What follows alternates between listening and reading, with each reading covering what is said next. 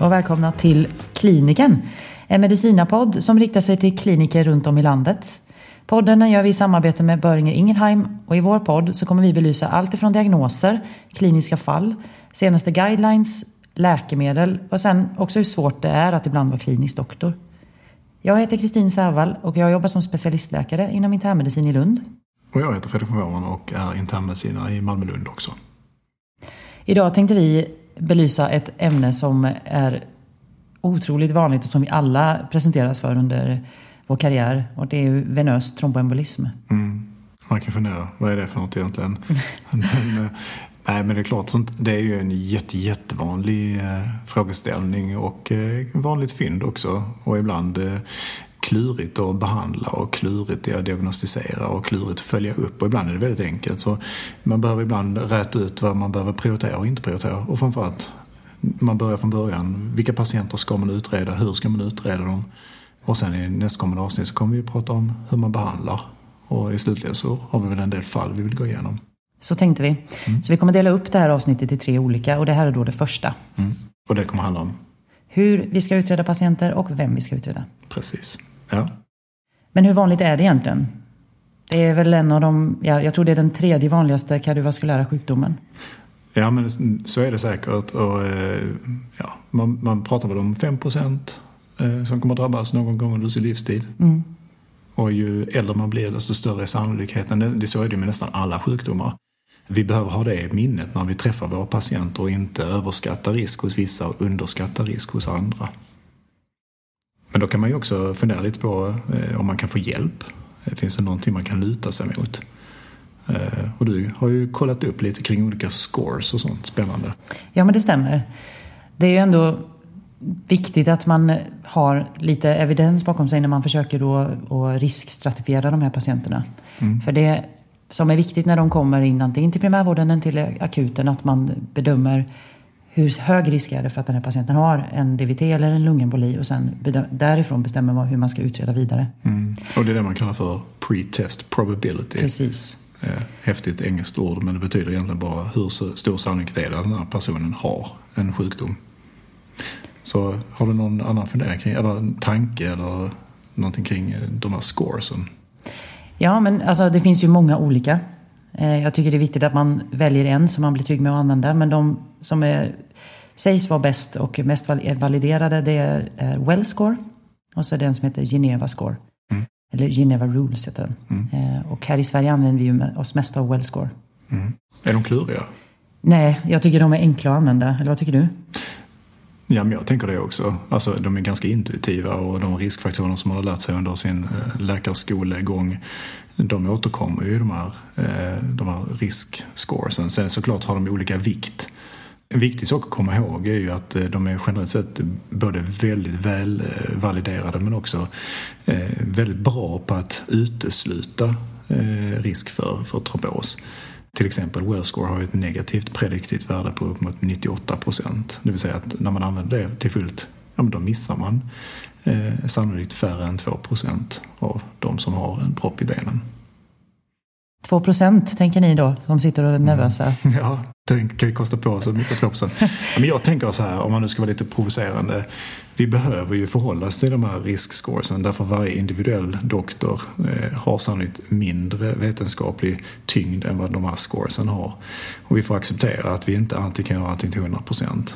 För eh, motsatsen skulle ju vara att man struntar i att använda de här scoresen och, och, och, utreder alla patienter för allting samtidigt. Och det har vi vare sig råd till. Jag tror inte att det är bra för patienterna heller. Så jag tror att man får bara acceptera att det finns en viss risk i vårt arbete. Så är det. Mm. Men det som de i alla fall bygger på, de här olika scoren, är ju predisponerande faktorer och symptom. Mm predisponerande faktorer, har man många av dem så hamnar man ganska snabbt in i en ökad risk. Det man delar upp i är då låg och mellan och hög risk. Inom det låga riskområdet är det ungefär 15 procent av de som man undersöker som har en propp. I den medelrisk så ungefär 15 till 40 och i den med hög risk är det över 40 procent av de som har en venös tromboembolism. Mm. Så vad är det man ska tänka på när de kommer in? Ja. Först och främst, hur, hur sjuka verkar de? Vad har vi för symptom? Är de akut dåliga? Ja, precis. Ja, och, det här med akut dålig sätter också lite fingret på var patienten ska vara under tiden man utreder dem och man undersöker. Eh, om man tittar på patientresan så, så börjar ju de allra flesta patienter i sin resa i primärvården där man, där man söker för att man har ett svullet ben eller en svullen arm eller fått lite sämre ork. Och då behöver man bestämma sig för hur, hur allvarligt sjuk tror jag att den här patienten är och vilken grad av, av eh, övervakning behöver man ha under tiden man, man utreder den. Jag, jag tänker att de allra, allra flesta patienter med enbart symptom från nedre extremiteten eh, och även överextremiteten, de kan hanteras i väldigt stor utsträckning på primärvården och, och skickas först för en diagnostisk undersökning och sen möjligen vidare till en mottagning som kan sätta in eh, antikoagulantia alternativt ta hand om den differentialdiagnosen som det då annars mynnar ut i. Misstänker man att det ska röra sig om en, en lungembolisering eller för den delen att patienten har väldigt stora problem ifrån sina eh, extremiteter som vid flegmasi. Men då behöver patienten till sjukhus eh, och med skyndsam utredning. Så det är egentligen mest om de är hemodynamiskt instabila som man ska skicka in dem direkt, annars kan det mesta skötas via primärvården? Ja, jag tänker så här med hemodynamiskt instabil är ju lite relativt. Men, men jag tänker om, om misstanken hos dig som doktor ute i primärvården är att den här patienten lider av en lungemboli. Eh, den lungembolin kommer ju från någonstans och kan ju snabbt försämras. Så, så om misstanke lungemboli dyker upp i huvudet på en då behöver man ju fundera på om, om patienten blir sämre så kan ju patienten bli sämre snabbt och då behöver man ju såklart vara där man kan ge terapi eh, mer akut och då behöver man nog komma till sjukhus. När det gäller hemodynamisk instabilitet så tänker jag att det gör ju också vårt jobb. Eh, det att vårt jobb på sjukhuset blir ju lite mer tydliggjort om patienten är hemodynamiskt instabil. Då bör man ju ligga på en vårdenhet där man kan övervaka hemodynamiken. Mm. Så tänker jag i alla fall. Det kanske är fel, men så tänker jag. Nej, det tänker jag också att det, det är rätt sätt att, att, gå in i det här. Mm, angripa problemet. Ja. Men eh, vanligaste symptom, dyspné såklart. Om vi pratar lungemboli. Om vi pratar lungemboli. Ja.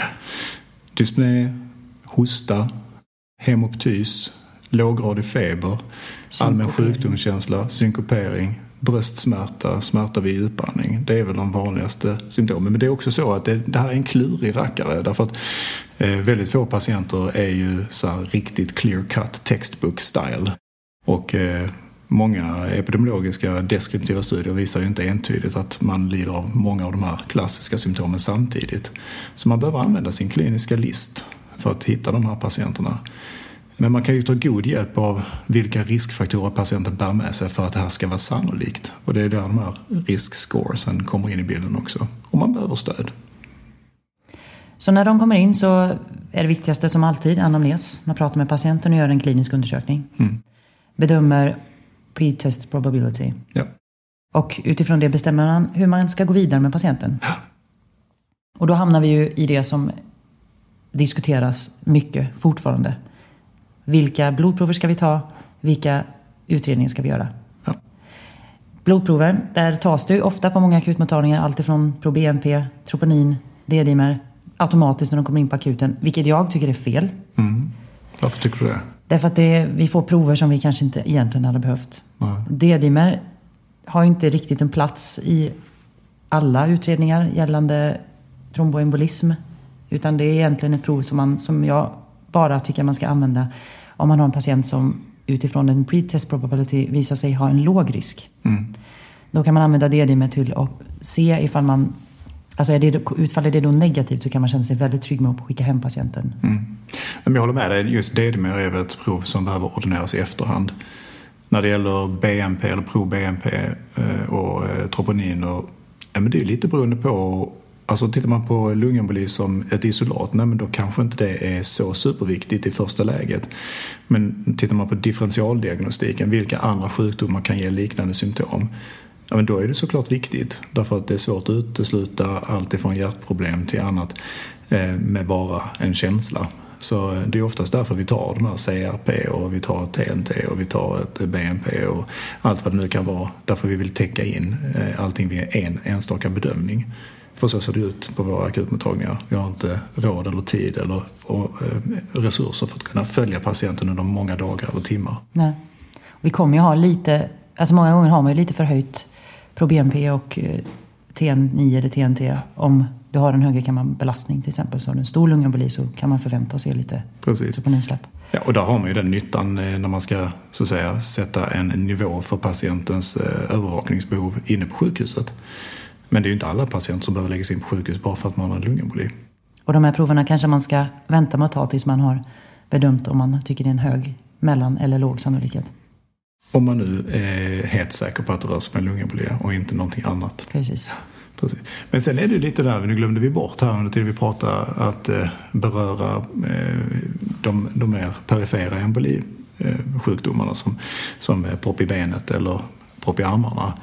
Det är värt att säga att propp i övre extremiteten är betydligt mer ovanligt än propp i benet. Mm. Mer 90 procent är ju nedre extremiteten och även epidemiologiskt så skiljer ju sig patientgrupperna åt där man i, generellt sett i djupa vensystemet, eh, om man har propp i det så i, i armen till exempel, då är man oftast en betydligt yngre patient och man har också, det har också föregåtts av ett fysiskt trauma. Vilket är generellt sett vanligare då. Sen finns det anatomiska avvikelser som gör benägenheter lite större. Men, men eh, man får inte glömma bort att proppar i nedre extremiteten är förknippade också med proppar som då migrerar till lungorna. Man har gjort studier som visar på att ungefär 50 procent av alla patienter med eh, djup ventrombos i nedre extremiteten har också en asymptomatisk lungemboli. Men då kan man, ska man då utreda en patient för lungemboli också?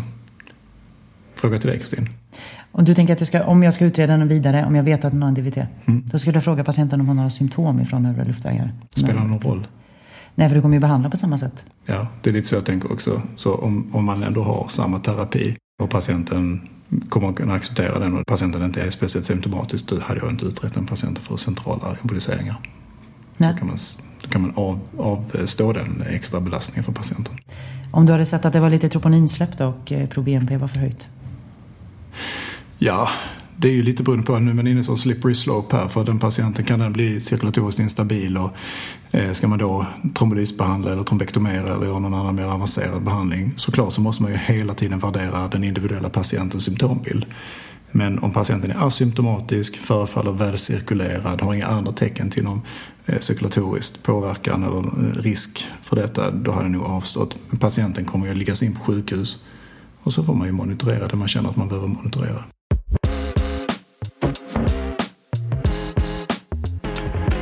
De som vi då har på akutmottagningen som vi bedömer, de flesta har ju haft en predisponerande faktor. De har antingen varit ute och rest. Det sägs att det är 50 procent av alla med DVT eller lungemboli som Oj, har en... Det var mycket. Ja. Men det är ju den vanligaste riskfaktorn egentligen för att få en propp. Som jag förstår det. Hur långt måste man resa? Det vet jag inte. Vet du? Nej, jag vet inte. Jag vet inte hur länge man måste sitta ner för att öka risken för att man får en DVT. Men, eh, och det har väl dividerats lite fram och tillbaka. Eh, en professor i Malmö som jag är bekant med han brukar säga att man måste minst åka över Atlanten i alla fall en gång, kanske till och med två för att öka risken. Eh, så frågan är om detta är bara ett rent ett allmänt fynd eller om det faktiskt finns en, en etiologisk komponent i detta. Det är, ju, det är ju svårt att undersöka och det är svårt att, eftersom att det är andra saker som ofta spelar in också som lite mindre disponerande faktorer såsom övervikt eller säg, graviditet eller liknande som kan göra att du har ökad risk ja. i kombination med en resa. Ja, precis. 20 procent sägs vara cancerassocierade. Men det kan ju stämma. Och sen säger man att de övriga, det är de här som, som man inte har någon förklaring till varför man har fått en DVT. Ja, och det är ju, jätte, det är väldigt otillfredsställande för läkarkåren att ja. patienter där vi inte kan förklara vad som är problemet.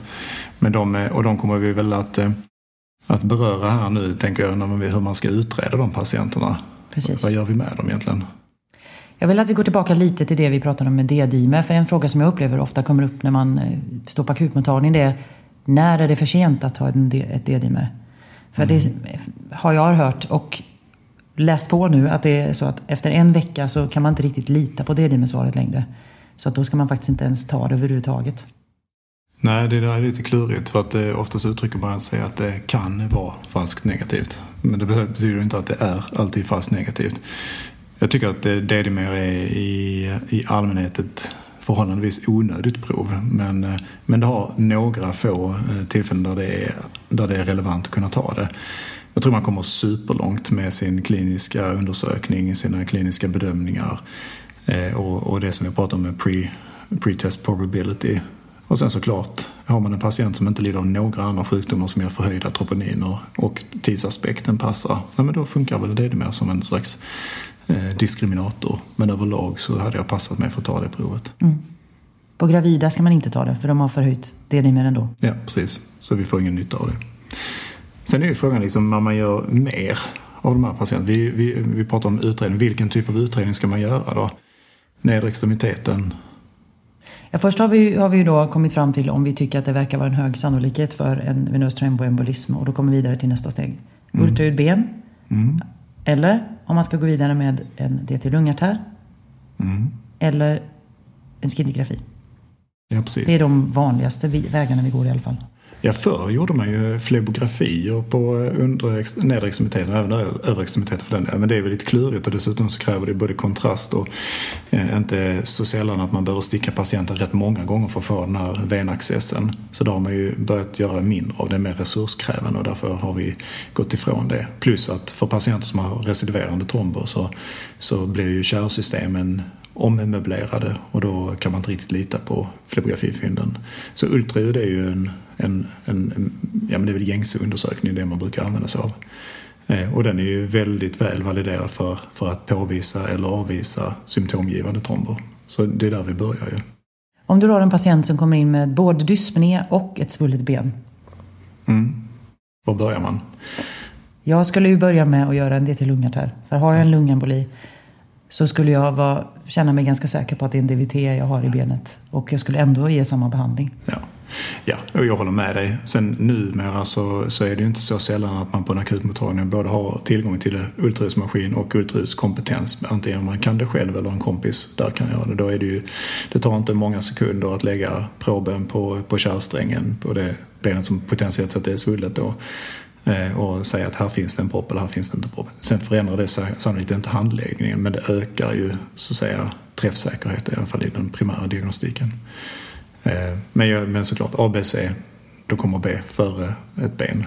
Exakt. B står för benen. Nej, det står faktiskt inte för ben. Det, det står ju för något annat. Nu har jag redan nämnt att man kan välja mellan att göra en CT eller en skintigrafi.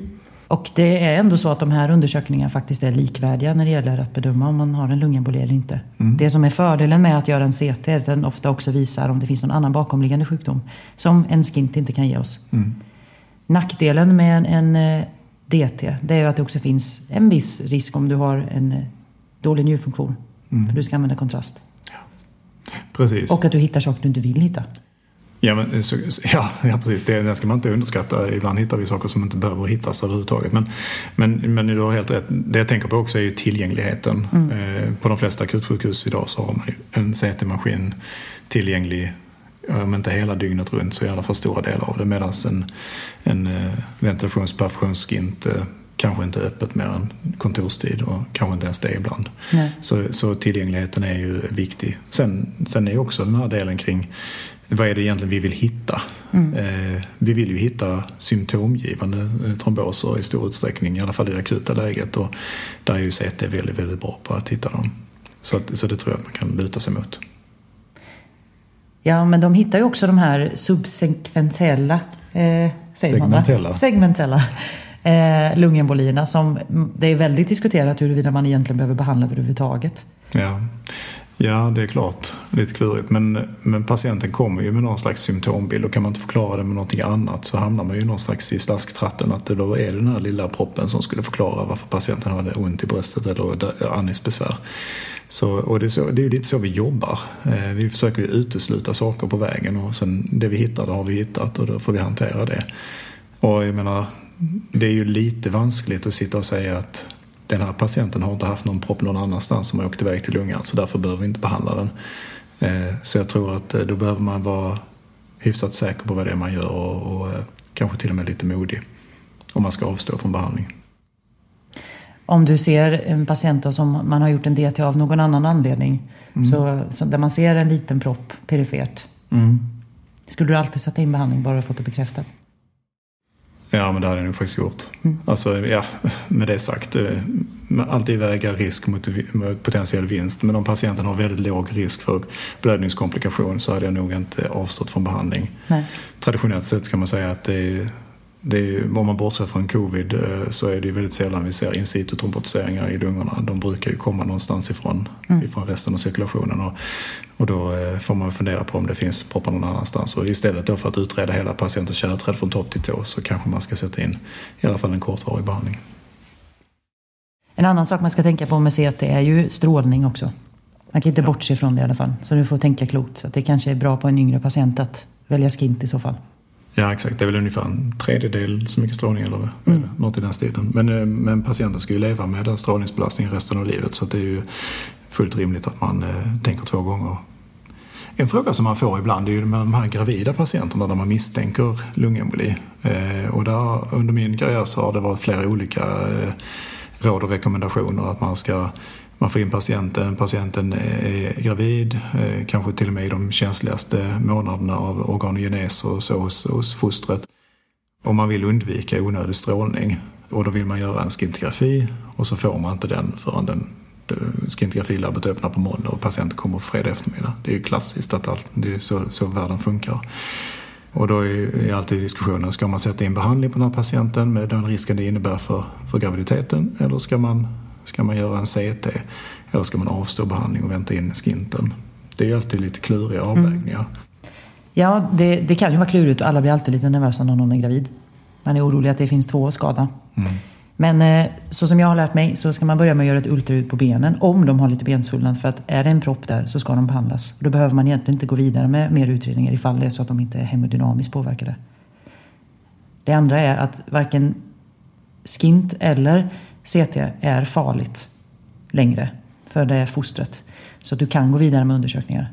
Men då kanske det är klokt att välja skint eftersom att det är oftast är en ung patient. Ja precis, och jag tänker att de gånger man har varit med när det verkligen är på riktigt då klär man in magen med diverse blyförkläden och man kör ju också en lägre strålningsdos för, för just den patientkategorin. Så, att, nej, så, så tänker jag också man får göra. Men eh, gravida är ju alltid en lite sån våt filt över oss. Ja. Vi tycker det är tufft, tufft och jobbigt. Men eh, sen sådana andra saker då som när man väl har hittat den här proppen och då ibland så automatiseras det här så ska man göra ett ultraljud hjärta. Ska man det? Är det bra? Det beror ju också på om patienten har varit påverkad eller inte. Och det, om det är någon patient som behöver läggas in eller inte. Men om de inte behöver läggas in så är det inget som man behöver göra i det akuta skedet. Det kan du göra när patienten följs upp när man har kanske funderar på om man ska avsluta behandling med blodförtunnande och om patienten i så fall fortfarande har kvarvarande symptom som skulle kunna relateras till en påverkan på hjärtat eller dålig kondition, fortsatt dyspné. Då tycker mm. jag det kan vara relevant att göra ett ultraljud hjärta. Ja, för det verkar vara lite olika skolor i detta. Eh, på det sjukhuset där jag är kliniskt verksam så verkar det vara mer av en ryggmärgsreflex att man slänger iväg en ultraljudhjärtaremiss och så vet man inte riktigt vad det är man är ute efter. Och nu kanske jag raljerar lite men, men, eh, men om man nu beställer en undersökning så måste man ändå vara redo på att hantera svaret. Jag tänker i den urakuta situationen så är det ju egentligen cirkulatorisk påverkan som man är ute efter för att styrka eh, eller avfärda tanken kring om man ska ha en mer aggressiv terapi. Men vi kommer komma in lite mer på behandling i nästa avsnitt. Och mm. där är det ju så att för de flesta patienterna som läggs in så har man redan en så pass ökad risk och så pass allvarliga symptom att man behöver inläggning. Då kan det nog vara relevant med ett ultraljudhjärta. Så lite cliffhanger där alltså. Lite cliffhanger. Ja, så vill man ha reda på det så får man lyssna på ett avsnitt Exakt. till. Ja, en sista kommentar bara kring det här nu. För nu har vi ändå kommit fram till vad, vilka vi egentligen tycker att man ska utreda. Mm. Hoppas att det känns tydligt för ja, er lyssnare också. Vilka är det då. Ja, först och främst behöver du lyssna på patientens anamnes, vilka symptom de har, göra en bedömning med pre-test probability för sjukdom. Om du står och är osäker och det är låg risk, ta ett D-dimer, se om det är högt. Har det gått mer än sju dagar kan du inte lita 100% på det. Men du ska tänka så ungefär. Mm. Har du en medelhög risk, då är det ingen idé att ta ett D-dimer. Då går du vidare med antingen en D till lungartär eller en skint eller om det bara är benet så gör du ett ultraljudben. Mm.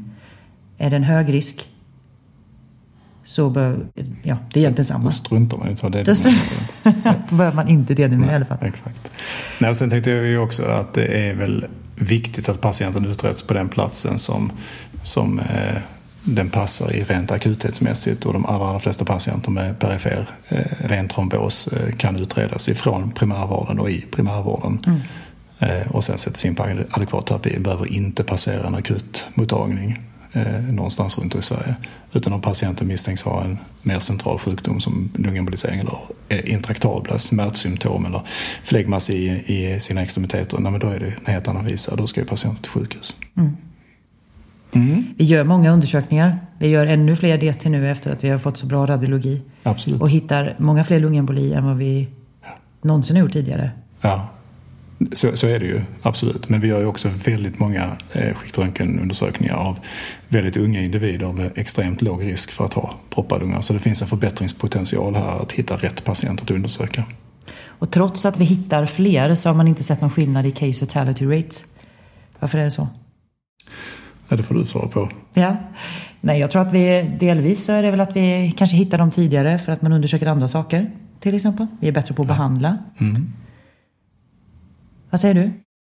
Nej, men jag tänker att du har helt rätt. Eh, ja, det är svårt för mig att svara på exakt varför saker och ting så här sker. Det blir mer spekulativt. En sak som jag funderar på som vi inte har berört än så länge det är ju utredningar av de här patienterna som kanske har en trombosbenägenhet. När ska det ske? Mm. Och hur ska man förhålla sig till eventuella cancerutredningar som kommer då till, till stånd efter att man har hittat de här propparna? Och det kan man väl säga mellan tummen och pekfingret. Det finns en hel del vårdprogram runt om i Sverige som man kan läsa på. Men om patienten är yngre än 50 år och har en oförklarlig trombossjukdom, eh, där det inte finns en cancer eller eh, immobilitet eller något liknande i bakgrunden, nej då ska man överväga att utreda dem med, med genetisk testning för diverse olika koagulationsfaktorrubbningar. Men då ska man också vara smart och inte utreda förrän man faktiskt är färdig med den blodförtunnande behandlingen. Nej, precis. Och sen ska man fundera på vad det kommer att ge att utreda.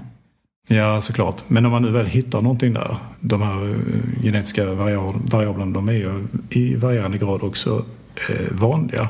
Men om de nu finns, då ska man också fundera på om man ska utreda de närstående som är genetiskt kopplade till den individen. Därför att de har betydligt högre risk att få tromboser i framtiden, i synnerhet deras barn. Då. Eh, så det kan vara relevant att utreda dem då också innan de får sina proppar. Mm. Och det påverkar ju också eh, ibland, i alla fall vid recidiverande trombos, eh, behandlingslängden. Mm. Ja, ja, men då ska vi väl lämna vid cliffhangern och se vad gör vi sen? Ja, vad gör vi sen? Vem ska behandlas och hur? Precis, det är de frågorna vi alltid har med oss. Ja. Ja. Nej, men vi eh, avrundar väl där. Ja, och hoppas att vi hörs och ses i nästa avsnitt. Absolut. Tack för oss. Tack.